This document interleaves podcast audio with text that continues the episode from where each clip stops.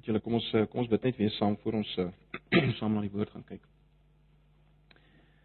Ag Here, baie baie dankie dat ons vanaand weer so kan saam wees. Dankie vir elkeen wat hier is. Ek vra dat U waarlik uh, in ons midde sal wees ook in hierdie aand. Ons tyd saam 'n wonderlike tyd sal maak. As ons gaan besig wees met U woord. En as ons gaan hoor dit wat ook vir U belangrik is binne binne 'n gemeente wees. Ag Here, ons wil vanaand ook net werklik spesifiek bid vir vir elkeen wat vanaand nie kan wees nie wat ook gewoonlik hier was. Ons dink aan hom Piet hulle wat altyd so getrou gekom het wat nou nie meer kan kom nie. Ag Here, ons wil bid dat U ook vanaand by hulle sal wees en hulle sal versterk. By hulle sal wees. Ag ons bid vir tannie Annelie wat ook spesifiek verskoning gemaak het vanaand waar dit nie goed gaan met hom Philip nie, waar hy 'n paar keer geval het, ag wil ek tog vra Here dat U waarlik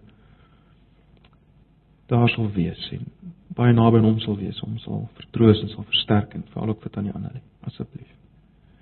Ook al die ander Here in ons gemeente, soos ons reeds ook vanoggend gebid het wat wat siek is en swaar kry. Wees ook vanaand met hulle. Elkeen wat alleen is, hartseer is, asseblief.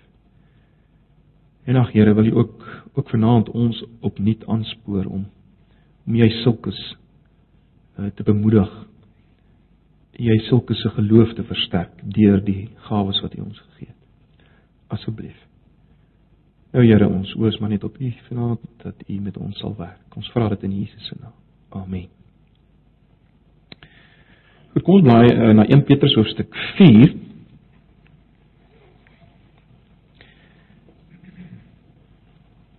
Dit is 'n gedeelte waaroor ek al gepreek het, so gaan niks onbekend sê nie. Ek dink dit is altyd goed om vanaand waar ons uh, in hierdie ges gespreksforum is na die tyd 'n bietjie oor hierdie saak te praat. Ehm uh, So miskien goed wees om om julle insette daar rondom te kry ook. Kan as hierdie klank so bietjie afsit. As ek my stem gaan bietjie verhef dan gaan ek verskriklik klink. OK. Goed 1 Petrus 4. Uh kom ons lees vanaf vers 7.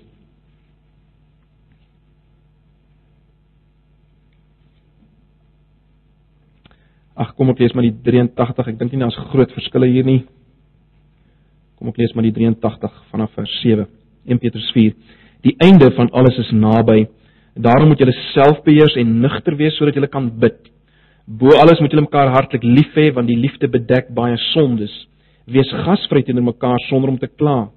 As goeie bedienaars van die veelvoudige genade van God, moet elkeen na mate hy 'n genadegawe ontvang het, die ander dien. As iemand die gawe ontvang het om te preek, moet God deur hom aan die woord kom. As dit is om in die gemeente te dien, moet hy dien met die krag wat God verleen. So moet julle God in alles verheerlik deur Jesus Christus aan wie die heerlikheid en die krag behoort tot in alle ewigheid. Goed, ons lees net tot daar.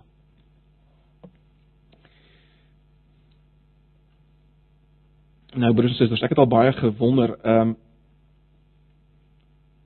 as daar so iets sou wees soos wesens uit die, uit die buitenste ruimte en hulle sou baie van van ons gemeentes vandag besoek, uh, watter indruk sou hulle kry oor waaroor gemeente wees gaan en ek ek dink ehm um, ek sou nie verkeerd wees om te sê dat 'n groot indruk wat hulle sou kry is dat dat gemeentes bestaan eintlik om byeenkomste te hou. Dis nie so nie. Dis eintlik waaroor waaroor alles gaan byeenkomste. Ek meen al die krag en alle energie gaan in in hierdie byeenkomste om byeenkomste te hou van watter aard dit ook al mag wees. Of dit nou 'n uh, oggenddienste is of dit ehm uh, vroue byeenkomste is, wat dit ook al mag wees, uh byeenkomste. Krag en tyd en energie gaan in byeenkomste in. Maar dis natuurlik geweldig ver van wat God wil hê gemeente moet wees, nie waar nie? Uh ons het al baie daaroor gepraat. En ek dink uh ek dink die meeste van julle sal saamstem, die kerk is is hoegenaamd nie bedoel om om bloot 'n menslike organisasie te wees uh waar daar byeenkomste gehou word vir die lidmate nie.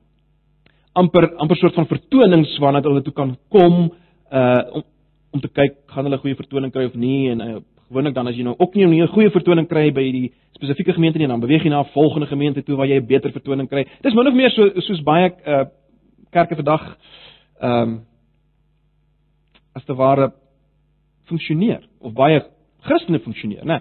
Beweeg van een gemeente na ander, kyk waar kry ek die beste uh byeenkoms, vertoning. En dan gaan ek swyn.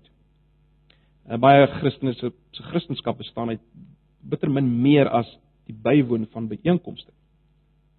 Nou, ons het al baie vir mekaar gesê en daar gepraat val toe ons na Handelinge gekyk het dat dis nie waar gemeente wees gaan nie. Gemeente wees uh het ons al baie vir mekaar gesê is om soos Jesus gestuur te wees as as liggaam in die wêreld in. As liggaam moet ons in die wêreld in beweeg. Maar as ons dit gesê het, bly die vraag nog steeds, maar wat moet in hierdie liggaam gebeur? Want baie ouens vind uh uh konsentreer weer so op die die inbeweeg in die wêreld in die, die missionêre aspek dat ek dink die vraag nog steeds bly, maar wat nou van binne in hierdie gemeente? Binne in hierdie liggaam, wat moet daar gebeur? As dit nie net 'n plek is vir byeenkomste nie. Wat is dit? Wat moet daar aangaan? As daar nie net byeenkomste gehou moet word. En dis regtig iets wat ons onsself moet vra. Ek het al baie met myself gedink of geworstel hieroor. Waaroor gaan dit regtig? Is ons nie maar net besig om byeenkomste te hou? So, dis 'n is 'n baie ernstige vraag. Wat moet in hierdie liggaam gebeur? Wat moet ek as individu doen in hierdie liggaam? Wat moet jy doen? Wat moet ons doen? Waarmee moet ons onsself besig hou as as liggaam wat dan nou so in die wêreld moet inbeweeg? En missionêr moet wees, maar wat moet waarmee moet ons ons besig hou in hierdie liggaam? Nou, ek dink Petrus is baie behulpsaam hier. Uh julle sou opgemerk het in vers 7 praat hy van die einde van alles is naby en dan noem hy 'n hele paar dinge. Met ander woorde wat Petrus doen is om ons ons te sê waarmee moet die gemeente of gemeentes hulle self besig hou in die eindtyd. Waarmee moet gemeentes hulle self besig hou in die eindtyd? Nou uh ek dink nie ek hoef dit in hierdie konteks baie te beklemtoon of daarop uit te brei nie. Ek dink ons almal stem saam dat uh as Petrus praat van eindtyd, is dit ook die tyd waarin hulle geleef het. Uh die eindtyd het begin met die koms van Jesus. Met koms van Jesus het die einde aangebreek in die Bybelse perspektief. Is geweldig interessant. So ons praat nie van uh iets wat nog moet kom nie. Uh ons is in die eindtyd. So wat Petrus nou oor praat is wat moet gebeur in hierdie laaste tyd waarin ons nou leef. En die eerste ding wat Paulus sê is dat hierdie gemeente, kinders van die Here, uh se lewens moet gekenmerk word in hierdie dae deur kyk kyk net daar selfbeheersing en nugter wees. Uh dis soos die, die uh, 83 dit vertaal. Daarom moet julle selfbeheers en nugter wees. Hulle is in hierdie tyd, hoe moet julle lewens lyk? Selfbeheers en nugter of dan uh ingetoe nugter. Is die is die 53 vertaal. En die rede daarvoor sodat jy kan bid, baie interessant, sodat jy kan bid. So dit dit dit is iets wat verseker moet gebeur binne 'n gemeente in hierdie tyd waarin ons moet leef. Selfbeheers, nugter moet jy wees of helder denkend kan jy sê sodat jy kan bid. Ehm um, en as mense dink aan wat Jesus gesê het, ek dink die rede daarvoor is dat ons nie afgestomp raak sodat die uiteindelike einde, die finale einde ons onverwags uh, vang nie, nee, ek dink dis die hele uh, gedagte ook hier, dit kan 'n vang net wees wat jou oorval. So daarom moet ons besig wees met gebed. En om te kan bid, moet ons uh, selfbeheers selfbeheers en helder denkend wees. Maar goed, ons gaan nie nou daarop uitbrei nie. 'n Volgende ding wat baie duidelik is, uh in in vers 8, nê. Nee, bo alles moet julle mekaar hartlik lief hê. Dis baie belangrik. Waarmee moet julle besig wees in die gemeente? Wel liefde. Dis wat julle moet doen. Julle moet mekaar hartlik lief hê vurig lief hê. En dan wat uh, Petrus eintlik doen in die res van die gedeelte is om nou te wys hoe lyk hierdie liefde, né? Nee, dit is nie net 'n uh, 'n liefde van soort van 'n warm gevoel vir mekaar nie of of drukkies gee vir mekaar nie, is baie prakties, né? Nee. Hier's drie goed wat genoem word. In die eerste plek, hierdie liefde bedek sonde. Hierdie liefde bedek sonde. sien julle dit? Want die liefde bedek baie sondes. Eerens ons gaan nie vanaand daarop uitbrei maar dit is een van die goed waarmee ons moet besig wees. Liefde wat sonde bedek. Dis iets waaroor ons baie kan praat waarskynlik nog gesin. Dalk 'n goeie onderwerp ken vir 'n volgende keer. Dit bedek sonde. In die tweede plek, hierdie liefde is gasvry. Word gekenmerk deur gasvryheid. Dis wat moet gebeur. En broers en susters, uh, dit is regtig iets wat moet gebeur. Ek dink dis iets wat nog altyd te wonderlik was binne ons gemeente is is gasvryheid en ons moet dit beoefen. Dit is waarmee ons moet besig wees. Ons moet nooit dink ons mors ons tyd of ons is besig met met goed wat ons nie moet besig wees as ons gasvry is nie. Ons moet besig wees met gasvryheid. So dis die tweede ding wat liefde doen. En dan in die derde plek lei hierdie liefde tot die gebruik van die gawes tot diens in die liggaam. Dis die derde ding. Uh waarvan hy dan praat in vers 10, né? Nee. So, vanaand wil ons dan spesifiek fokus, soos ek sê, mens kan op die ander twee ook gefokus het, maar vanaand wil ek net fokus op hierdie uh derde ding, naamlik uh die gebruik van van ons gawes tot diens in die liggaam. Dis die derde ding waarmee ons moet besig wees in die liggaam in die tyd waarin ons leef. Nou die woord wat Petrus gebruik vir genadegawes is natuurlik die woord charisma, né? Nee. Ons ken almal die term charismaties. Ons praat ook so, né? Nee. Ons praat van charismatiese Christene en dan die tragedie is natuurlik dat ons praat van nie charismatiese Christene. Ons sal onsself byvoorbeeld uh, dit wil beskryf ons is nie charismaties nie. Nou dit is natuurlik totaal onbybels om so te praat oor onsself. Maar natuurlik ons verstaan ons verstaan hoekom ons so sê, né? Nee, want want ont, onthou nou charismaties het ook nou alweer 'n sekere kleur gekry in ons dag. So ons ons is nie deel van daai ouens nie wat uh weghardloop met sekere dinge ensovoorts. Maar maar Bybels uh volgens hierdie gedeelte is ons charismaties.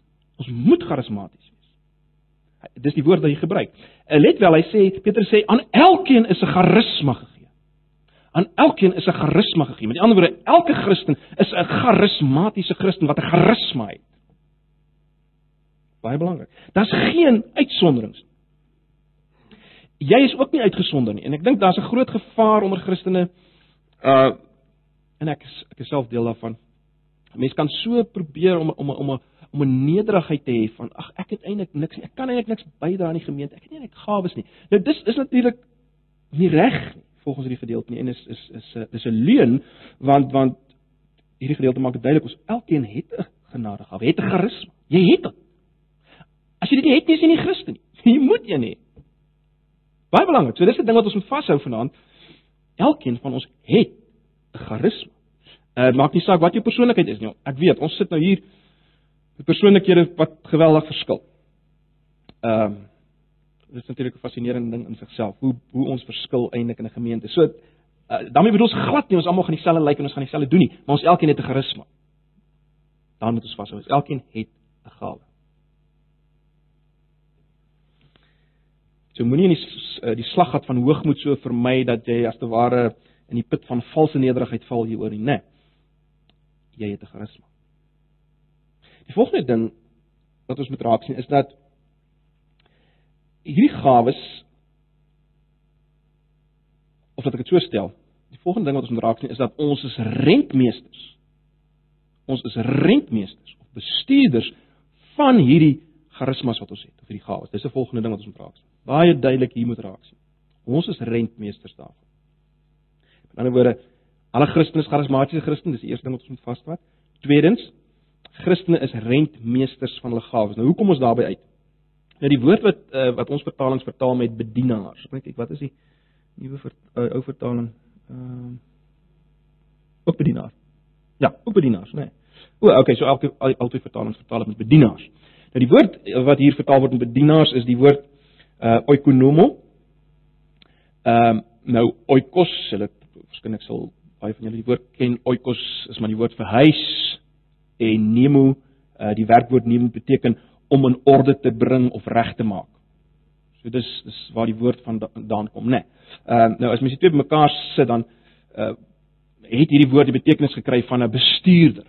Uh 'n bestuurder van 'n huis of 'n eiendom of dan 'n rentmeester van 'n eiendom uh miskien in ons idiom dis iemand wat in beheer is van 'n plaas of 'n landgoed in afwesigheid van die bestuurder nê nee, ek dink mense mense kry dit vandag nog op plase die uh voorman dankie aan die voorman wat die plaas bestuur vir die eienaar nê nee.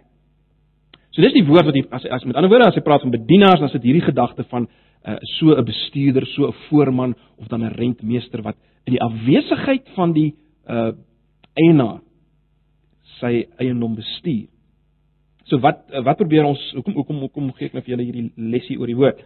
Ehm um, dit help ons net om te verstaan wat wat Petrus regtig hier in gedagte het. Nee, wat probeer hy hier skets? Die beeld wat hy in gedagte het is baie duidelik hier 'n huis. Dink aan 'n so groot Here huis, 'n groot huis met verskillende begaafde bedienaars of dan rentmeesters. So dis hierdie huis en in hierdie huis is hierdie klomp rentmeesters of begaafde bedienaars en aan hulle is die fondse gegee. Die eienaar het sy fondse aan hulle gegee en hulle moet hierdie fondse bestuur vir hom. Right, so dis die prentjie wat Petrus wil skets. Hierdie groot huis met hierdie klomp begaafde bedienaars en hulle moet hierdie fondse uh bestuur vir hom in hierdie huis. En nou is dit baie duidelik dat die huis is die gemeente. Die huis is die gemeente.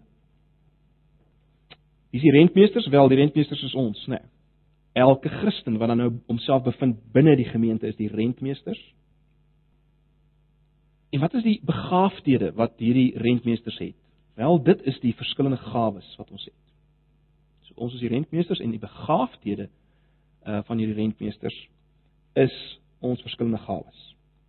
Wat is die fondse wat ons moet bestuur? Dis baie interessant ons nou daarna kyk. Dis God se genade. God se genade is die fondse wat bestuur moet word. En dan die die hantering van hierdie fondse, die bestuur van hierdie fondse, die administrering van hierdie fondse, let wel, dis die uitoefening van ons gawes. So dis die beeld wat hier geskep word. Nee. Gemeente is die huis. Ons is die ons is die bestuurders. Ons begaafdhede is ons gawes. God se genade is die fonds wat ons moet bestuur en die uitoefening van ons gawes is die administratie uh, administrering of hantering van hierdie fondse. En en dit is treffend, net die die die treffendste uh, gedeelte van hierdie vergelyking is hierdie is hierdie analogie tussen God se genade en die fondse, né? Nee. Met ander woorde, ons kan sê genade, genade is die is die geldeenheid van God se huishouding. En ons is geroep, geroep om rentmeesters, bestuurders van genade te wees. Is 'n ontsaglike gedagte. Ek en jy is geroep om bestuurders van God se genade te wees. Kyk, as jy 'n Christen is per definisie is jy en was jy ontvanger van genade, né? Nee, ons is elke dag ontvangers van genade. Ons is ontvangers van genade. As jy net dink aan aan ons Johannes reeks in die oggend, net wat ek nou baie beklemtoon het Johannes wat sê ons het genade op genade ontvang. En dis wat 'n Christen is. En en en nou hier is dit baie duidelik, ons moet nou hierdie genade, ons plig is om hierdie genade na ander toe te versprei. Dis waarmee ons besig is, hierdie genade te versprei. En nou, wat is die middel waardeur ons hierdie genade versprei? Wel, dit is ons geestelike gawes. Ons geestelike gawes is nou die middel waardeur ons hierdie genade versprei. So mens kan dit so ook stel. Geloof is dit wat die huiseienaar in al sy rentmeesters of bestuurders wil sien. Dis wat hy wil sien. Hy wil geloof sien. En genade is as te ware die enigste geldeenheid wat geloof kan koop. As jy dit nou so wil stel. Of om 'n bietjie anders te stel, geloof voed op genade. Geloof word versterk deur genade, né? Nee, as jy nou as jy so daarvan wil praat. Geloof eet genade. Geloof groei deur genade. Geloof kan nie wees sonder genade nie. Baie belangrik. En nou kom God en hy gee ons sy genade in Christus. En dit wat hy gedoen het vir ons, hy hy gee ons die genade in Christus, uh, al die beloftes wat ja en amen is in Christus. Dis sy genade wat hy vir ons gee.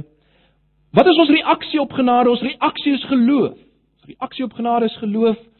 Ons ontvang dit deur geloof en nou moet ons hierdie genade versprei deur ons gawes. Sodat hulle geloof opgebou kan word. En en dis genade wat geloof versterk.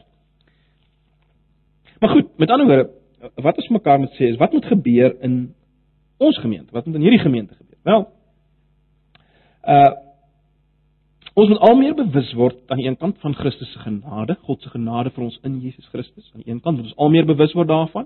En aan die ander kant moet ons al meer maniere vind om dit kreatief te versprei. Dis eenvoudig gestel.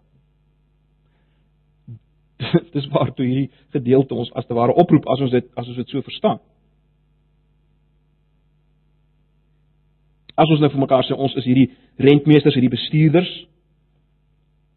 ons as lidmate wel, dan moet ons meer bewus raak van God se genade en dan moet ons al meer maniere vind om dit te versprei na mekaar toe uh sodat ons weer ook na buite toe uh God se genade kan laat sigbaar word en versprei. So dan moet 'n gewellige gehandeldryf begin plaasvind in 'n gemeente.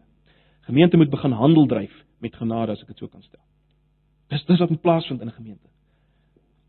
Jy kan hoor, dit gaan oor baie meer as byeenkomste hou, daar moet handel gedryf word met genade.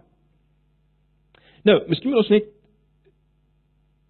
mekaar vra wat is hierdie gawes dan nou? Kom ons gee, probeer 'n definisie van van hierdie gawes wat dan nou die vervoermiddel is van hierdie genade om geloof te versterk. Wat is hierdie gawes? Nou daar's al baie pogings aangewend om definisies te gee vir vir die gawes. Uh hier hier is 'n poging. 'n Gawe is enige vorm van besondere toerusting deur die Heilige Gees. Hoor julle dit? Enige vorm van besondere toerusting deur die Heilige Gees wat ons geloof tot tot uitdrukking bring. Met ander woorde, dit druk ons geloof uit. Enige besondere toerusting van die Heilige Gees wat ons geloof tot uitdrukking bring en wat God dan nou gebruik om sy genade te versprei sodat die gemeente opgebou kan word. So kom ek lees net weer. Enige vorm van besondere toerusting deur die Heilige Gees wat ons geloof tot uitdrukking bring en wat God gebruik om sy genade na ander te versprei sodat die gemeente opgebou word. Dis 'n gawe. Ek wil weer kem op enige vorm van toerusting deur die Heilige Gees. As ons nou kyk na 1 Petrus 4, ehm um, vers 11 en verder, dan sal julle sien dat dat hierdie gawes word in twee kategorieë verdeel. Nee. Daar's woordgeoriënteerde gawes en dan daadgeoriënteerde gawes as jy dit so wil stel. sien julle dit? Hy begin deur te sê as iemand die gawe ontvang het om te spreek, moet God deur hom aan die woord kom. So dis die woordgeoriënteerde gawes en dan ehm uh, as dit is om in die gemeente te dien, moet hy dien met die krag wat God verleen. Dit is dan die meer ehm uh, daadgeoriënteerde gawes. So dis die twee kategorieë hier, né? Nee.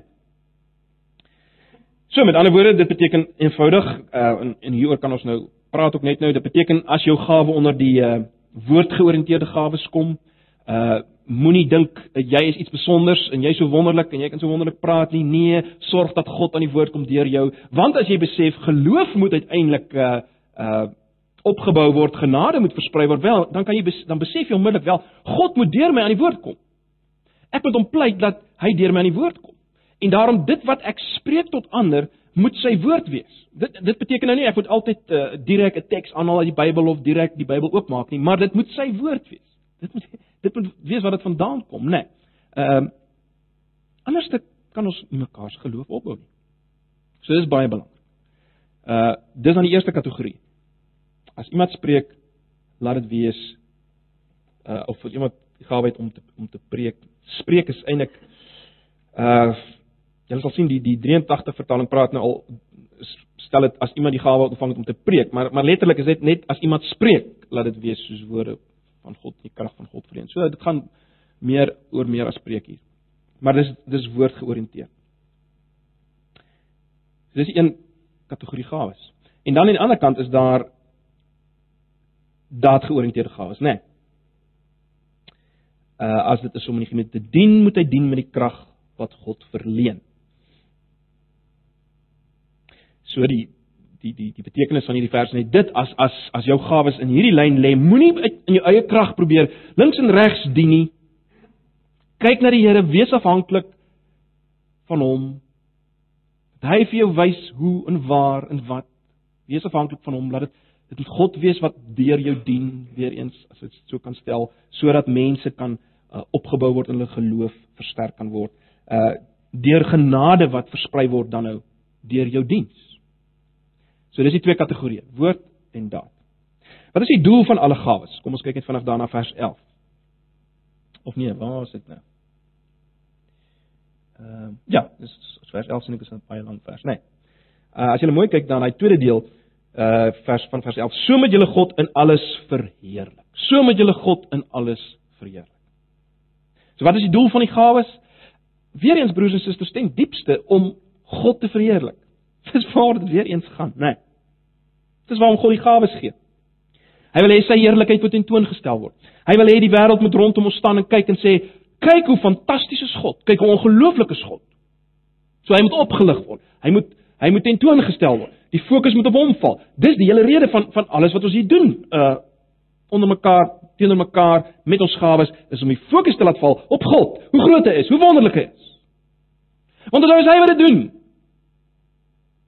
Ek hoop julle het gesien ons kan nie een oomblik voel, ja, ek is oulik nie. Dis God se gawes, ons is net nie rentmeesters daarvan, bestuurders daarvan. Jy, jy kan nie goed voel uh as jy die eienaar se geld hanteer. Dis sy geld. Maar goed. Dis die doel van alles. En ag broers en susters, ek dink daar's niks meer betekenisvol en meer bevredigend as om uh, om jou plek hierin te vind.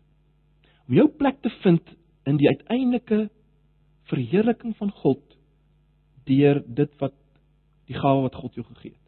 En onthou nou, elkeen van ons het dit. Maar ek dink is eh, is ons jy kan eintlik nie leef daarsonder as jy as jy as jy nie begin verstaan maar kyk dis my dis hoe ek inpas. Eh, dis hoe God my wil gebruik om hom te verheerlik.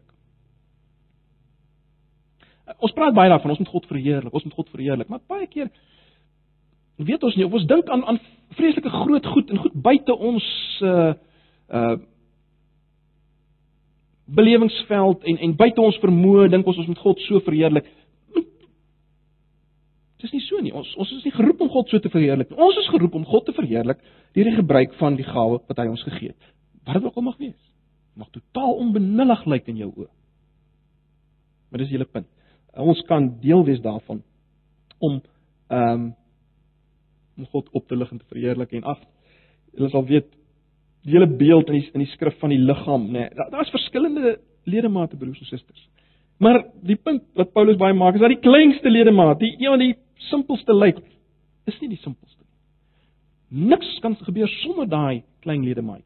En ek dink die die die dieselfde beginsel uit die aard van die saak is is ook waar wat gawes betref. Maak nie saak hoe min lyk jou gawe nie.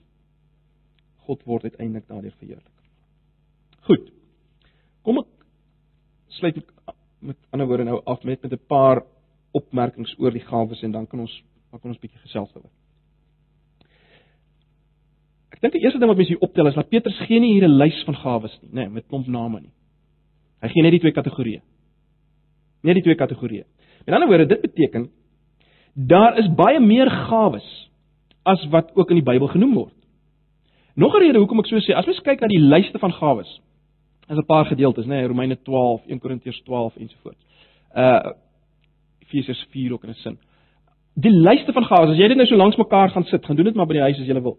En jy kyk, dan sal jy sien die die volgorde van hierdie gawes verskil. So punt nommer 1 kan ons nie sê hierdie gawe is belangriker as hierdie een nie, want kyk, hy kom altyd eers in die Bybel voor. Die volgorde is verskil, gaan kyk maar. En dan ook die hoeveelheid gawes. Dit word daar's nie altyd presies dieselfde hoeveelheid gawes, die presies dieselfde dinge nie. Wat probeer ek daardeur sê en ek, ek dink dit is baie belangrik. Die punt is dit, God gee gawes volgens die behoeftes in 'n gemeente. Dink nou net weer wat ons nou gesien het. Die gawes is die vervoermiddel waardeur genade vervoer word om geloof te versterk. Met ander woorde, God, die die gees van God by wyse van spreuke kyk na 'n gemeente en sê, "Wel, hier is so 'n persoon en so 'n persoon en so 'n persoon en so 'n persoon uh uh, wie se geloof moet versterk word. Ek gaan hierdie gawe, hierdie gawe, hierdie gawe, hierdie gawe, hierdie gawe hier gee in hierdie gemeente. By gemeente nommer 2 gee totaal ander gawes. Hoekom? Want daar's totaal ander gevalle, totaal ander mense. En daarom is dit natuurlik dwaasheid om te vergelyk en sê, "Ooh, kyk, ons het nie hierdie gawes wat hierdie gemeente het nie." Of ek as persoon, ek het nie hierdie ek wil graag daai gawe gee, maar jy's in hierdie gemeente.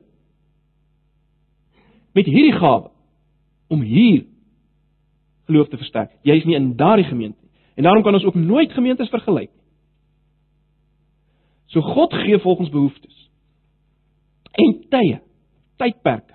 En daarom in 'n in 'n in 'n gemeente wat ontstaan het in China gaan die gawes anders lyk as 'n gemeente in Pretoria. Nee, 'n gemeente wat nou in China ontstaan. Die gawes wat God daar gee gaan anders lyk. As die gawes wat hier gaan na vore kom. Ons moet dit verstaan en ek dink eh, dit is baie duidelik, né? Nee, uh, ons moenie ek, ek dink 'n groot fout wat ons baie keer maak, nee, ons ons dink baie vas oor hierdie goed. Ons moet verstaan dat uh die Bybel gee vir ons die verhaal van die ontwikkeling van hierdie dinge en en die gawes en goed wat in die in die Nuwe Testamentiese gemeentes voortgegaan het. Uh dit, dit, dit gaan voort en en nuwe gawes kom na vore en nuwe dinge gebeur want Jesus word weer as te ware uh in in in in in in situasies hier moet hy weer moet sy gemeente weer vorm aanneem, né? Nee. Uh, net soos hy vorm aangeneem het in eerste eeu Jerusalem. Dit lyk nou anders. Net soos as Jesus fisies sou kom vandag, sou hy anders gelyk het as wat hy gelyk het toe hy in eerste eeu se Israel ingekom het. Uh, hy sou ander klere gedra het, anders gepraat het ensovoorts, anders gelyk het, totaal en al anders gewees het as hy vandag gekom het. En net so Die gemeentes lyk anders, nie gawes lyk anders. Maar die doel bly dieselfde. Doel bly dieselfde. Naamlik om geloof te versterk, om God te verheerlik. So ons moet ons moet so dink rondom gawes. Ons moenie uh eng en en intensief daaraan dink nie. Dis die eerste punt en daaroor kan ons ons kan daaroor praat. Ek sal graag uh, opwerpings daaroor wil oor. Dan 'n volgende ding wat ek net wil noem is dit die klem opgawes vir dag verskil natuurlik in die lig van hierdie gedeelte hemelsbreed van baie wat ons vandag ongelukkig kry. Ek dink mense soek vandag baie keer gawes om selfvervulling te kry. In ander woorde, ek wil kan sê ek het hierdie gawe. Ek, voel goed, ek het hierdie identiteit. Ek het hierdie gawe. En en en ek juis om hulle eie ding amper te doen. My gawe beoefen. En en en en en, en dis 'n totaal skeeftrekking van dit wat ons hier kry, nê, nee, naamlik dis om die gemeente op te bou en om iemand anders se geloof te versterk. Dis nie sodat ek selfvervulling kan kry en 'n identiteit kan kry. Dis sodat ek anders geloof kan versterk, sodat God verheerlik kan word, nie ek. En dink dis die groot krisis van van van die kerk van vandag en van gawe oor die algemeen, nê. Nee, ons skuif die hele ding na myself toe. Maar die hele ding moet skuif na God se verheerliking deurdat mense se geloof versterk word. Dis waar die dis waar die klem moet lê. Goed, 'n volgende implikasie hieruit is dit. In die lig van hierdie dinge wat ons gesê het, dink ek is baie belangrik om nie onsself as te ware moeg te maak om baie netjies my gawe te identifiseer nie. Uh vas te stel. Met ander woorde, moenie te veel bekommerd wees, het ek nou die gawe van profesie of die gawe van lering of die gawe van wysheid of genesing of barmhartigheid of wat ook al nie. Uh sodat ek kan sê dit is my gawe. Nie moenie moenie so daarmee omgaan nie. Dink omvattend, né? Nee, in die lig van wat ons nou gesê het. Waarvoor is gawes gegee? Wel, so dis hoe jy met jouself moet redeneer. Gawes is gegee om geloof te versterk. Hier is 'n persoon wie se geloof aan flarde is binne die gemeente. Hier's 'n persoon wie se geloof aan flarde is. Hoe kan ek help dat daardie persoon se geloof versterk word. So dis ons denke moet wees. Nie om vas te stel ure lank te spandeer om myself te ondersoek en te krap in myself, uh lysies in te vul. Ek dink dis hoe dit baie keer gedoen word. Totdat ek kan sê, "Ja, dis my dis my gawe" en dan plak ek dit in my muur op. Nee.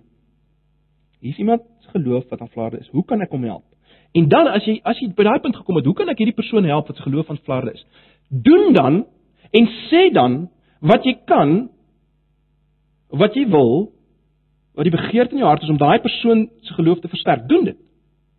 Doen dit. Raak besig daarmee. Dit wat jy voel, hierdie persoon, dit kan hierdie persoon die meeste help. Doen dit en nou, as jy as hierdie persoon daardeur gehelp is, met ander woorde, as hierdie persoon se geloof nou versterk is deur dit wat jy gedoen het of gesê het, daar is jou gawe. In lig van hierdie gedeelte. So, jy kry die prentjie, né? Nee. Daar is die persoon, die sy geloof is stikkend, Jy weet dis waarvoor gawes gegee is. Jy sê as te ware vir jouself, wat kan ek doen om om Piet se geloof te versterk? En en doen dit dan wat as te ware in 'n sin by jou opkom, wat wat natuurlik by jou is, wat by jou pas. Wat jou ja, wat soos jy aan mekaar gesit is, doen dit om sy of haar geloof te help. En as daardie geloof gehelp is, dit wat jy dan gedoen het om daai persoon se geloof te versterk, dis jou gawe. Dis jou gawe. In die lig van hierdie gedeelte moet dit so wees, broers en susters. Met ander woorde, ehm uh,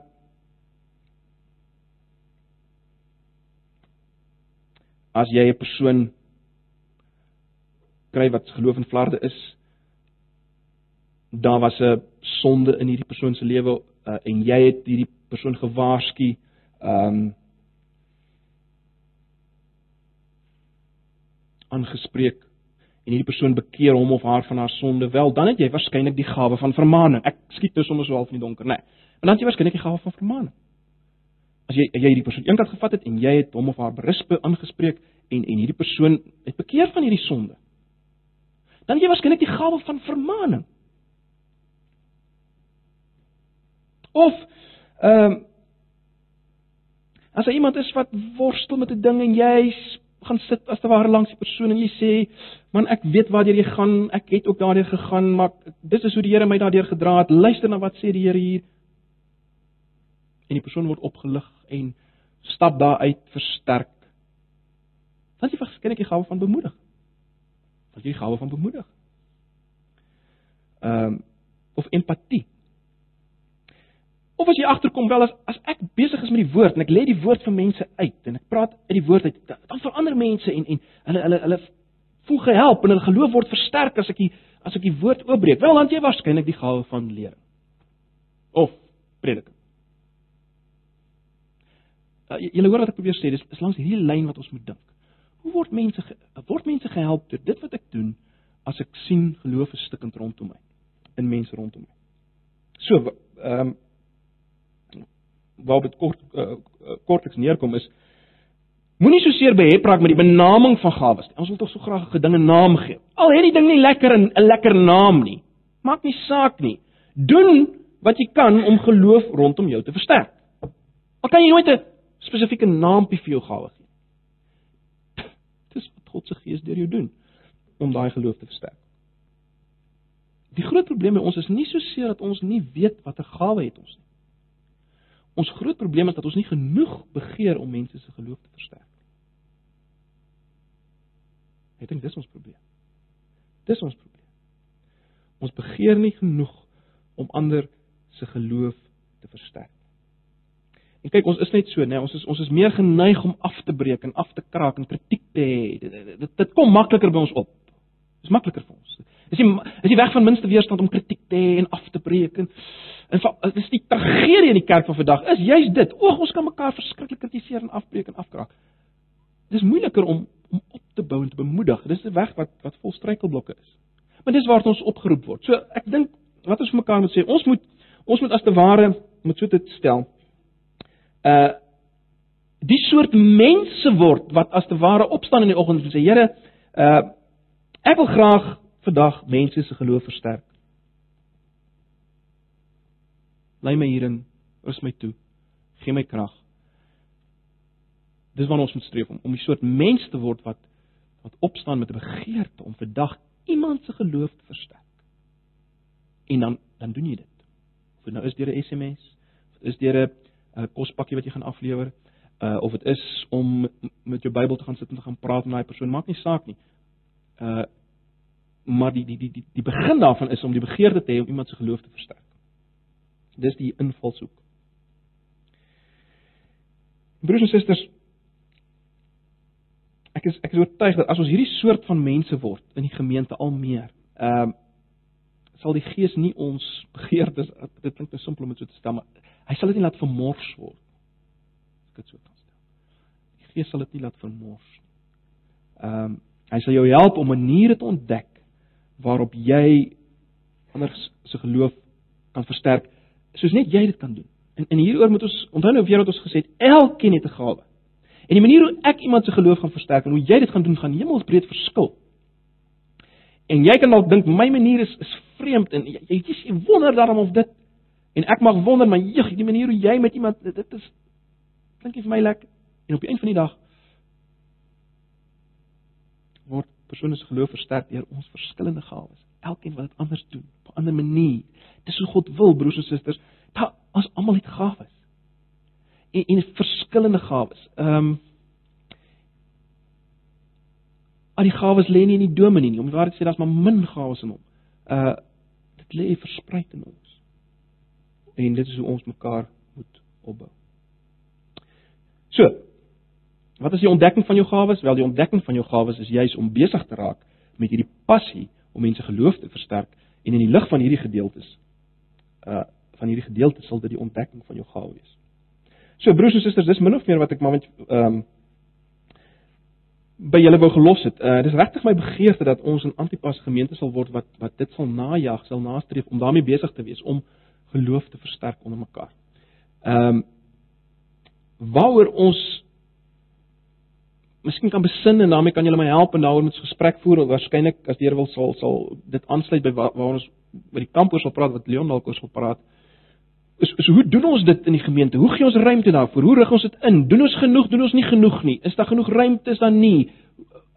Moet dit meer ander forme aanneem of nie? Of jy weet wat die geval mag wees. So dit is uh dit is iets waaroor ons uh ons kan praat. So dit is maar net wat ek vir julle wou noem. Ehm um,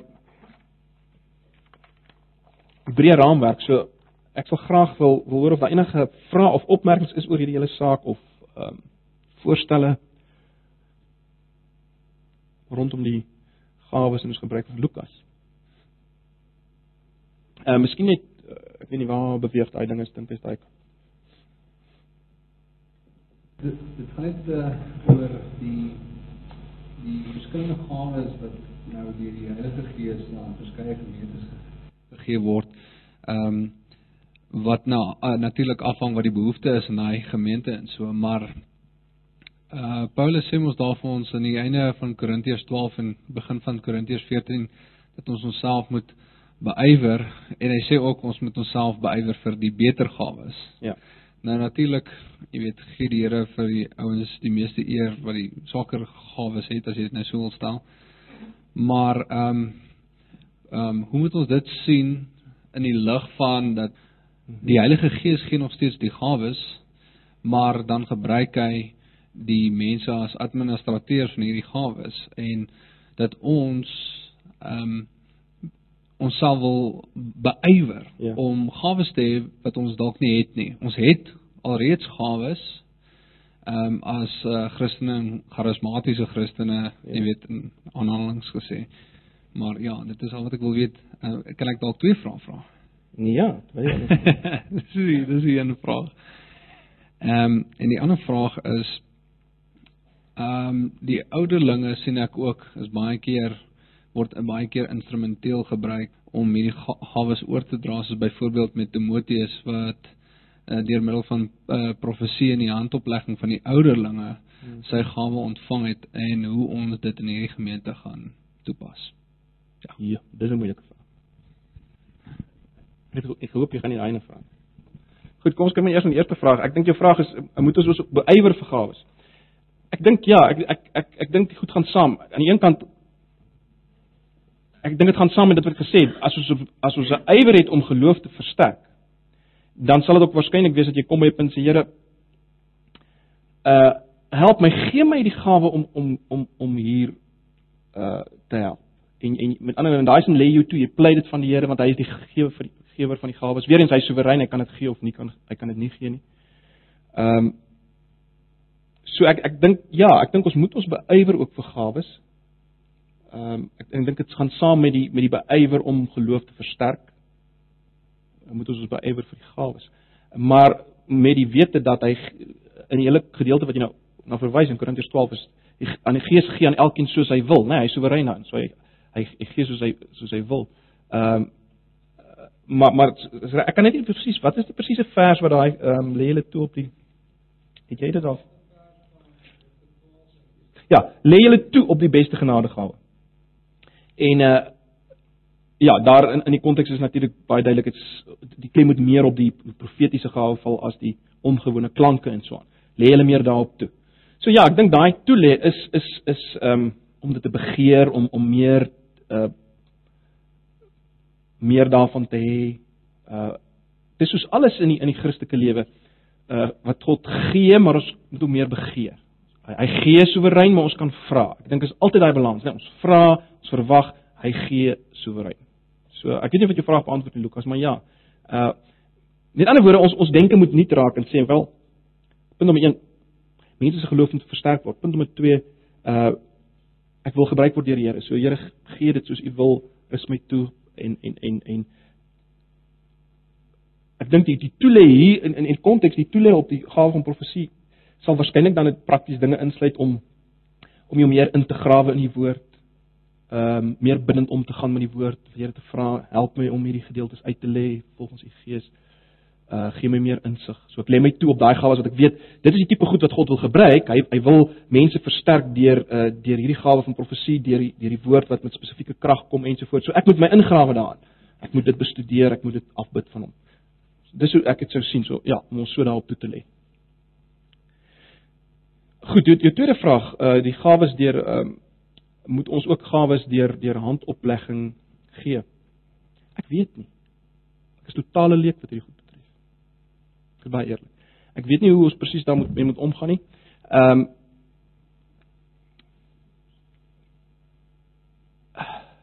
Ek weet nie, ek weet nie of iemand anders 'n opmerking hieroor het. Enigiemand? Ek dink dis is wel 'n kom ek kom ek stel dit so. Ehm um, ek dink wel as daar is 'n onderskeid wat ons in die apostels betref, nê. Nee, 'n groot onderskeid. Alhoewel ek ek ek oortuig is daarvan dat die dat die gawes is vir die gemeente gee. Ek dink dis iets wat ek ons moet noem. Ek dink ouens wat wat wat 'n lyn trek en sê gawes bestaan nie meer nie is, is totaal onbybels want die gawes is nie gegee vir die apostels nie. Die gawes is vir die gemeente gegee tot die opbou van die gemeente. So solank daar 'n gemeente is sal daar gawes wees wat die Gees gee. So dit dit moet ek net uh, dadelik sê. Uh, ek dink dit is dit is dit is, is eksegeties onverantwoordelik om te sê die gawes het gestop of sekere gawes het gestop. Ons kan dit bloot nie sê nie omdat die gawes vir die gemeente gegee word soos hy wil wanneer hy wil vir daai doel van opbou maar as dit kom by die die hande oplê en die bid ehm um, weer eens ons ons kry die progressiewe ontwikkeling, net soos ek nou net gesê het, dinge ontwikkel, dinge lyk anders. Ons moenie presies altyd wil hê alles moet wat ons doen moet wees soos in die Bybel, die dinge ontwikkel. Dinge verander. Uh en en uh ek dink tog daar is 'n vers, verskil tussen tussen my en 'n apostel, jy weet, ehm um, ek kan nie ek ek het geen mandaat om vir mense te bid en 'n gawe te gee nie. Ek, ek kry dit nie. Terwyl die apostels dink ek dit wel gehad. So ek weet nie, Lukas, dis maar soos ek daaroor sal dink ek maar wat vergeet het. Uh, kan jy 'n spesifieke gedeelte? Handelinge 13 die jy hulle uitgestuur het. Waar kan jy net vir my die uh, kan ons net die vers kry? Kyk ons net daarna. Okay, ehm um, ek het hierso by 1 Timoteus uh, 4 vers 14 ehm um, waar daar geskryf sê Paulus vir Timoteus dat ja. ehm um, jy weet die praat hy van die gawes wat aan hom gegee is deur uh, profesie en deur die handoplegging van die ouderlinge en dan die ehm um, stuk waar uh, ag jong ek het nou hom nou nie hierso neergeskryf nie maar dit is daar in Handelinge waar ehm um, daar geskryf staan toe die Heilige Gees ehm um, aan die uh, gemeente gesê dat hulle vir Paulus en Barnabas Ja, daar's nie so seer sprake daarvan 'n gawe nie, nê, nee, maar dat deur die Heilige Gees uitgestuur ja, is reg. Ja, en dan is uh, die ouderlinge uit hulle hande opgelê en hulle ja, uitgestuur. Ja. Ja, ek ek, ek ja. Ek dink die belangrike ding is die Kyk, handoplegging was 'n redelike algemene uh, gebruik gewees. Ek dink ons ons het ons het ek dink dit is interessant. Ek dink selfs in die Puriteinse tyd die ouens meer gebruik gemaak daarvan. Uh weer eens wat ons net van kan sê, dit is natuurlik simbolies. Die oomblik as ons sê ons het die krag om deur handoplegging, met ander woorde in daai handoplegging lê die krag dat dat daar gawes ek het geen versekering dat my handoplegging gaan 'n gawe oordra nie. Maar As ek sou bid vir 'n persoon en ek lê my hande op hom en ek bid vir hom en die Here gee 'n gawe, dan doen hy dit soewerein. So al wat ek wil sê is presies in hoe mate die die die die klem moet lê op die fisies die hande opleg. Uh soos ek sê dit dit lyk my dis 'n ding wat baie meer uh gereeld gedoen is in die Nuwe Testamentiese tyd. Uh ons het nou nog die gebruik as ons byvoorbeeld ehm uh, uh selfs in die NG Kerk, die predikant toe toe ek uh uh nie nie, nie gelegitimeer is nie ge bevestig is. Toe die ouens hande op my gelê het, my gebid. Uh so dit is nog in gebruik. Die punt is maar net wat ons moet besef, ek dink die gevaar is om te dink jy kan hierdie gawe verkry. Ek dink dit was die gevaar geweest van Simon die towenaar, nee, hy hy wou ook ewesklik hierdie gawe hê om as hy ouens hande op lê dan word hulle genees ensovoorts daai krag en en en hulle het dit nie gehad nie. So Lukas om jou vraag te beantwoord, dit is 'n moeilike een. Ehm um, ek dink nie dit sou verkeerd wees om om om om uh, om so te bid en vir iemand gawes te gee nie, maar dit dit um, ek ek weet nie, ek kry nie 'n imperatief vir ons om dit te doen nie. Uh jy weet so met ander woorde dit het wel gebeur daar. Ek sien dit het gebeur. Maar dit beteken nog nie ons het 'n imperatief om te doen nie. Jy sien, daar's goed wat in die skrif gebeur het en dan's daar imperatiewe wat vir ons gegee word om te doen. Ehm um, en en en dit is dis moeilik om daai balans uh, te kry. So ek ek moet vir eerlik wees, ek weet nie presies hoe om daaroor te dink nie.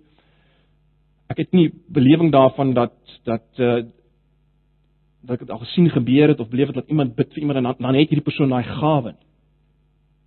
Uh maar is iets waar waaroor ou sekerlik meer kan dink en bid. Ek weet nie Pieter of jy hier 'n st stuk wysheid het. Help my hier. Ja, uh, ek ek dink nie daaroor toe ehm um, toe uh, Mia en Neville hulle so uitgegaan Ja. het, het ons vir hulle gebid Ja. met handoplegging, maar nie vir 'n spesifieke gawe nie, maar dat die Here reg. sal seën en met hulle sal wees. Ja. Want die die doel is om God se naam te vereer Ja. en watter gawe God gebruik om dit Ja. deur hulle te doen. Ja, ek dink dit is soos die die die die ehm um, Ek dink iets wat ons wel in die gemeente doen is byvoorbeeld as ouderlinge ons ons bid vir mense, nê. Nee, en lê hulle die hande op, salf hulle en bid. Maar die Here moet die genesing gee. Ehm um, so Lukas as uh, ja, ehm um, ek ek dink dis iets waaroor mense waarskynlik kan dink en besin moet ons dit nie meer doen spesifiek om op, klem vir mense te bid vir spesifieke gawes nie. Dit sou dit sou 'n legitieme vraag wees. Uh ek is baie eerlik met jou. Ek ek, ek weet ek het nog nie so daaroor gedink regtig nie. Ehm um, bloot miskien soos ek sê omdat daar wat dit betref, is daar nie so duidelik imperatief soos daar wel is vir die ouderling om te bid vir 'n persoon se salf met olie. Dis 'n redelike dis 'n imperatief in die in Jakobus. Maar ek kry nie so imperatief om te bid vir uh gawes of met die hand met handoplegging. Jy hoor wat ek sê. En, en daarom is dit is dit moeilik en en ek deur die loop van die geskiedenis is hierdie ding nie regtig oorgedra in in in die in die historiese kerk nie. Reg of verkeerd. So dis al wat ek vir jou kan antwoord, maar is dalk 'n saak wat mens meer meer moet na kyk. Jakobus, ek verstaan nou dat die beoefening van die genadegawes is primêr gerig op die gemeentelede of die medegelowiges. Maar Hmm. wat nou van ongelowiges? Byvoorbeeld nou barmhartigheid Hmm. uh, aan aan ongelowiges Ja. bewys. Hoe waar val dit nou in? Hoe sal 'n mens nou daaroor Ja, dink? ek, ek sou die volgende so sien. Ek met ander woorde dat die die gawes is gegee om die ge- geloof te versterk van die in die gemeente. Onthou nou sodat hulle nou weer toegerus is om te kan uitbeweeg. Onthou ons het gesê die groot prentjie wat ons moet moet hê is ons is as as ons is 'n liggaam en die liggaam moet in die wêreld inbeweeg soos Jesus om te verkondig, barmhartig te wees, daai groot goed wat Jesus gedoen het te doen. Uh en die beoefening van die gawes is om ons toe te rus om dit te doen. So ja, as hierdie persoon se geloof versterk is, uh dan moet hy weer gaan en en en uitreik na die wêreld daar buite. En weer eens kan die gawes verseker op 'n tweede vlak daar funksioneer. Met ander woorde, sekere ouens as hulle evangelisasie doen, ek ek dink dis baie belangrik byvoorbeeld as dit kom by evangelisasie. Ehm um, almal doen nie evangelisasie op dieselfde manier nie. Ek dink ons kan onsself onder baie druk sit uh as ons dink ons moet almal op op op uh sê net maar die E3 manier doen en en ek voel net dit dit is regtig nie hoe ek is nie. Uh maar jy bereik byvoorbeeld 'n ou deur deur te help en sê net maar saam skottelgoed te was en daar laat val in jou woord en en so evangeliseer. So ja, ek dink verseker uh ek dink die klem van die gawes is om die gemeente toe te rus op te bou sodat sodat hulle geloof versterk is, sodat hulle kan uitbeweeg en dan as hulle uitbeweeg, ja, gebruik die Here weer die gawes wat hy gegee het. Sommige is is evangeliste. Ek meen hulle is net ouens wat daarvan hou om klomp ouens bymekaar te roep en te preek. Ander ouens doen dit op 'n ander manier. Uh met ander woorde, ja, die ook die verspreiding van die evangelie vind vind plaas. Ehm um, definitief deur ons gawes. Daarom is dit verskillend en dis dis baie belangrik. Nie of ek jou vraag antwoord. Hein. Jakobus, ek dink die een wat dis maar dit vir my voel na wat na aanleiding van wat jy nou gesê het, die een groot uitdaging wat ons het is omdat ons so hopeloos los van mekaar leef. Ja. Ek bedoel ek Pieter en Anita sien ek op 'n Sondag Dis jy sien dis belangrik. en dan uh ek wil nie namens hulle praat nie, maar as ek maar dink hoe ek is, ek wil ek gaan nou nie of ek is nie baie geneig om- om my dan nou as ek met hulle praat Ja. uh oop te stel om om aan hulle te wys waar my moeilikheid lê nie. So ek bedoel dan dan dan bedoel ons hele opnet nie is net nie uh Gawe vriendelik nie. Ja. Hmm. En ek ek, ek dink toe sommer dadelik aan wat jy in die begin gesê het is dat waar waar Peter sê oor hoe die liefde moet wees, dit Hmm. moet gasvry wees. So ek wil ek, ek sommer net so suidelik so opmerking maak. Ons moet elke Sondag moet twee gesinne bymekaar kuier. Hmm. Uh dit sal al klaar daar daarmee help en en dit moet ook daar om om sonde te bedek, maar ek wil ons hele Dis reg. ons hele samelewing is so om ons ons bedek ons sonde sodat ander nie ons sonde kan bedek nie. Dis reg. Jy's heeltemal reg. Jy's heeltemal reg. Ek dink hy uh, ja, ek wil ekskuus as jy wil nog iets. Nee nee, ek wil maar net gesê dis 'n groot uitdaging Ja. wat ons het. Ek kry so die idee dat ons moet liewer almal in 'n groot kommunie gaan bly. Dan sal dit baie beter werk hierdie hierdie ding. Dis reg. Maar ek bedoel dit is nou nie realisties nie, maar en dan in in gegee dit wat wat doen ons om om om om mekaar Ja. ja. om ja om om meer geleentheid te hê om jou gawes te ontdek ja. en en te beoefen. Ja, baie dankie. Hein. Ek dink jy raak daardie groot ding aan ek, ek en ek wou graag gehad het dit moet daarby uitkom. Ek weet nie of jy opmerking wat jy sê het of dit nie. Ja. Ja, ek ek ek ek stem saam met jou. Ek ek dink dit is ons groot krisis. As mens ook kyk na Ef- terloops Efesiërs 4, is nog 'n gedeelte wat ons al bietjie na gekyk het, mens weer na kom kyk in vers 7 uh, maak uh, Paulus duidelik maar aan elkeen van ons ons is 'n genade gegee vir ons die mate van die gawe van Christus en dan wys hy uh um dat die Here al hierdie gawes gegee het apostels, profete, evangeliste, herders, leraars om die heilige toe te rus vir hulle dienswerk en dan wys hy weer hoe almal tot eenheid van geloof kom en aan mekaar geskakel is en so aan en dit dit, dit veronderstel 'n baie noue kontak met mekaar. En en dit is ons probleem en ek dink dit is ons groot probleem en die groot verskil tussen ons en die Nuwe Testamentiese kerk en hoekom ons so sukkel om daai goed te beleef wat hulle beleef het is is hierdie ding van ons bly ver mekaar, ons is individualisties. Ek meen ek kan my voorstel hulle hulle hulle was was baie nouer aan mekaar. Uh, hulle is bedreig deur die buitewêreld, vervolg, hulle het saamgetrek, in mekaar se huise bymekaar gekom, brood gedeel, daardie gawes gefunksioneer het om mekaar opgebou het. Jy weet dit is die tipe beeld wat ou kry. En nou sit ons met 'n ons samelewing druk ons in 'n totaal ander ding in. So ons sal baie meer ehm um, daadwerklike stappe moet neem om hierdie goed te deurbreek. Een van die goed is ek dink uh, wat ons probeer is, is selgroepe. Dis een stap dink ek in die rigting. Ek dink dit is by uitstek die plek waar ons by mekaar kan aan aan aanskakel en ehm uh, ja van vanuit die selgroepe dan moet goed soos gasvry om om om 'n punt te maak om mekaar vir ete te nooi. Ek meen ons moet dit absoluut sien as nie ja, ehm um, 'n nou en dan ding 'n 'n soort van 'n um, uitsonderlike ding nie. Ek dink daar's jy reg. Ek dink ons moet baie meer dit sien. Wel, dit is wat ek moet doen. Ek moet mense nooi. Ek ek, as dis deel van my Christen wees. Dis deel van my dis deel van my lidmaat wees. Met ander woorde net soos ek sorg dat ek of of of net soos ons soort van 'n punt maak om 'n sonoggend na die diens toe te kom, net so punt moet ek maak om iemand te nooi vir ete. En ek dink jy's reg as dit kan posvat. Ehm um, so dink julle ons moet so so reël maak hierso. Dat in so 'n lys wat die ouens aftik, wie het wie het ek hierdie week vir vir vir vir ete genooi? Ja, ek spot dit sommer, maar, maar jy hoor wat ek sê, mense moet miskien aan die begin om met 'n bietjie te, te wakker.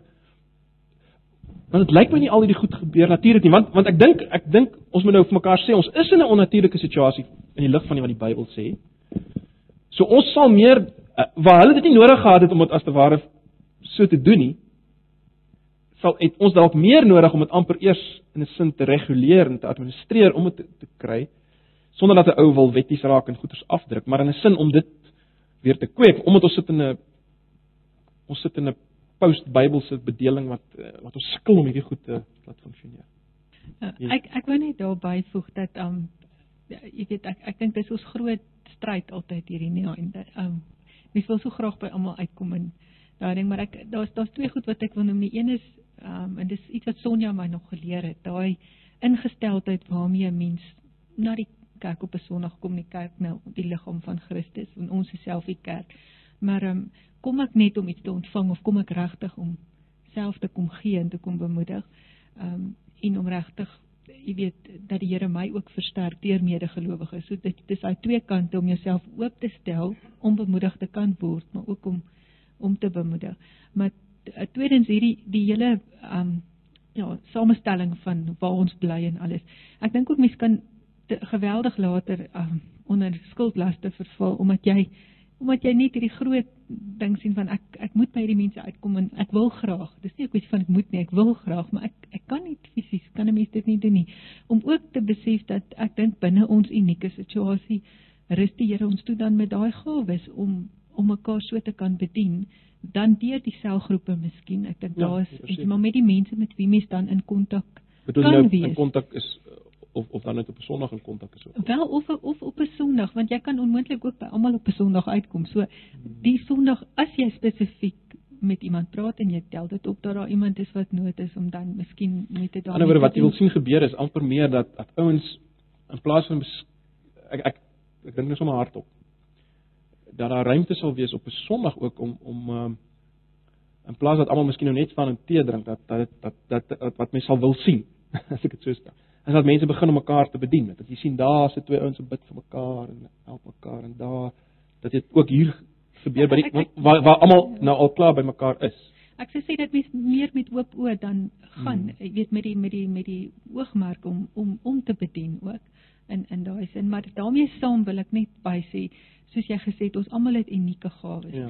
En ek wil byvoorbeeld iets sê, iemand soos daai mensies daar agter wat ons klank doen. Dis 'n unieke dis 'n gawe dit wat wat die gemeente bedien wat dit vir ons moontlik maak om saam te kan dien. Mense wat ehm um, ja, ek weet baie wat baie keer weggesteek is in goeders, die skottelgoed was daar agter. Al daai goed, dit is dis alles maniere Ja. van bediening. Ehm um, so dit hoef nie altyd hierdie jy weet jy moet voel met die gawe van bemoediging hê of Nee. woorde nie. Dis dis praktiese goed baie keer. Ehm um, Ja, dis die tweede kategorie, dien, ja, né? Ja, die, die dade wil ek wil ek definitief ook beklemtoon. Daai uh, ek dink nou byvoorbeeld Lukas hulle wat dit vir ons op 'n stadium moontlik gemaak het om 'n aand weg te gaan vir ek en my man. Dit het ons geloof versterk. Ja. So daar daar's stukke goed wat prakties is. So dit hoef nie altyd 'n groot ding te wees en ek ek um, iets wat Wimpie byvoorbeeld ook genoem het eendag is Jesus het sy 12 disippels gedisipel en die mense wat hy genees het en by wie hy bedien het was dit was nie hy kon net soveel mense hanteer soos wat wat hy mee te doen gehad het. Dit was 'n klein groepie eintlik en dit het my ook bemoedig om te weet dat uh, jy weet dit beteken nie ons moet by, ons moet almal daai globale tuurlik. ding in 'n gemeente Ja, sien nie, maar spesifiek die mense wat die Here dan Ja. oor jou pad Ja, nee, ek ek dink dit is dis 'n gegewe, nee, ons kan onmoontlik by almal uitkom. Ons moet ook nie, maar maar ek dink wat wel moet meer gebeur is is is 'n doelbewuste dat ingestel dat ek moet mense se geloof opbou. Hoe dit prakties gaan lyk vir my situasie, ja, ek ek verseker ons kan nie uh, net geografies soos ons geleë is, uh dink ek nie daar word verwag dat die ou wat agter die berg bly moet die ouens in Turion gaan se ge- se geloof opbou. Ek dink die ouens aan daai kant is moet meer daarop ingestel wees. So ek dink ons moet baie prakties oor daai goed dink, maar wat ons wel ons moet baie meer ingestem daaroor word en dit dalk dalk meer ehm um, op 'n manier die kultuur begin laat posvat. Ekskuus hy. Ja. Ja, terwyl jy wat jy nou sê, mm. terwyl Henriet praat, toe dink ek ek moet deel wat vanoggend met my gebeur het. Ek kom hier met die trappe afgeloop en Saartjie staan daar onder. Mm. En toe ek nou onderkom toe kom sy na my. Toe sê sy maar eh, en as jy nou so by die trappe afloop, uh, is dit nou die ouderdom of wat? Toe sê ek vra ek vir haar, moet jy dit nou so stel? Toe sê sy maar eh, so dit lyk of dit seer is. Toe Ja. ja. sê ek ja, uh ek sal in die dit is so in die vervolg sal ek uh so afloop dat dit nie lyk of dit seer is nie. Hmm. Toe sê sy maar jy moet dit nie doen nie want dan ontneem jy my die geleentheid uh om met jou te praat. So ek dink dit is dis presies Ja, ja. daai daai tipe Ja, ja. van ding wat uh, waarvan Ja. ons nou ook praat. Dit is 'n baie klein dingetjie. Maar ja, dat 'n mens spesifiek oop ook sal wees Hmm. vir mekaar, maar dan jou ook sal oopstel vir die ander een wat nou oop oog vir jou het. Jy en en ek dink dit begin regtig ehm um, dit ons sê dit begin deur ingestel, maar ek dink ou moet jou prakties uh, jouself iets wat jy kan doen en wat wat mens nie hoef te reguleer nie, wat elkeen homself kan dissiplineer om te doen om, om werklik uh, uh in die oggend te bid, Here, in hierdie dag uh help my om mense se geloof te sterk, bring sulke mense oor my pad. Ehm um, ek ek ek, ek sê dit met skaamte, ek ek, dink het al vir Henriette gesê, ek ek ehm um, Jou hoërskool toe ek regtig 'n uh, dieper ontmoeting met die Here gehad het, het ek uh, het ek nogal baie las gehad dat die Here vir my mense oor my pad stuur om te evangeliseer. En ek het baie doelbewus as as kind al gebid dat die Here vir my geleenthede sal gee. En en ek tot my skaamte vind ek dat ek dit nie meer so doen nie. En dit was eintlik verstond wat die Here baie keer gedoen het as ek nou terugdink. Hy het vir jou geleenthede gegee. En dieselfde dink ek ehm um, uh wat wat hierdie ding betref. Gee my 'n kans om iemand se geloof te versterk. Here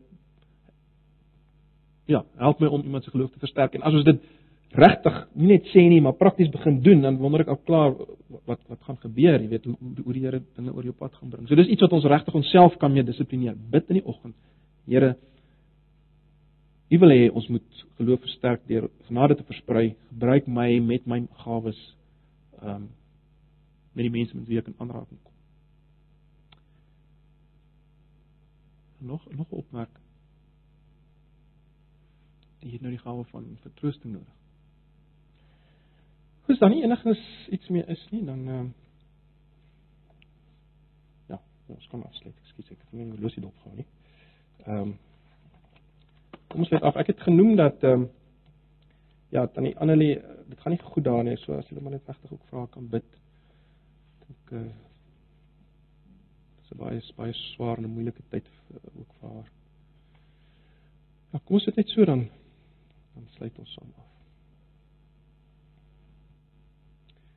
Here baie dankie vir hierdie paar oomblikke wat ons kon stil wees rondom u woord en net weer ook kon sien dit wat u vir ons wil in die tyd waarin ons leef. En ag Here, u ken ons situasies, maar u ken ook ons harte.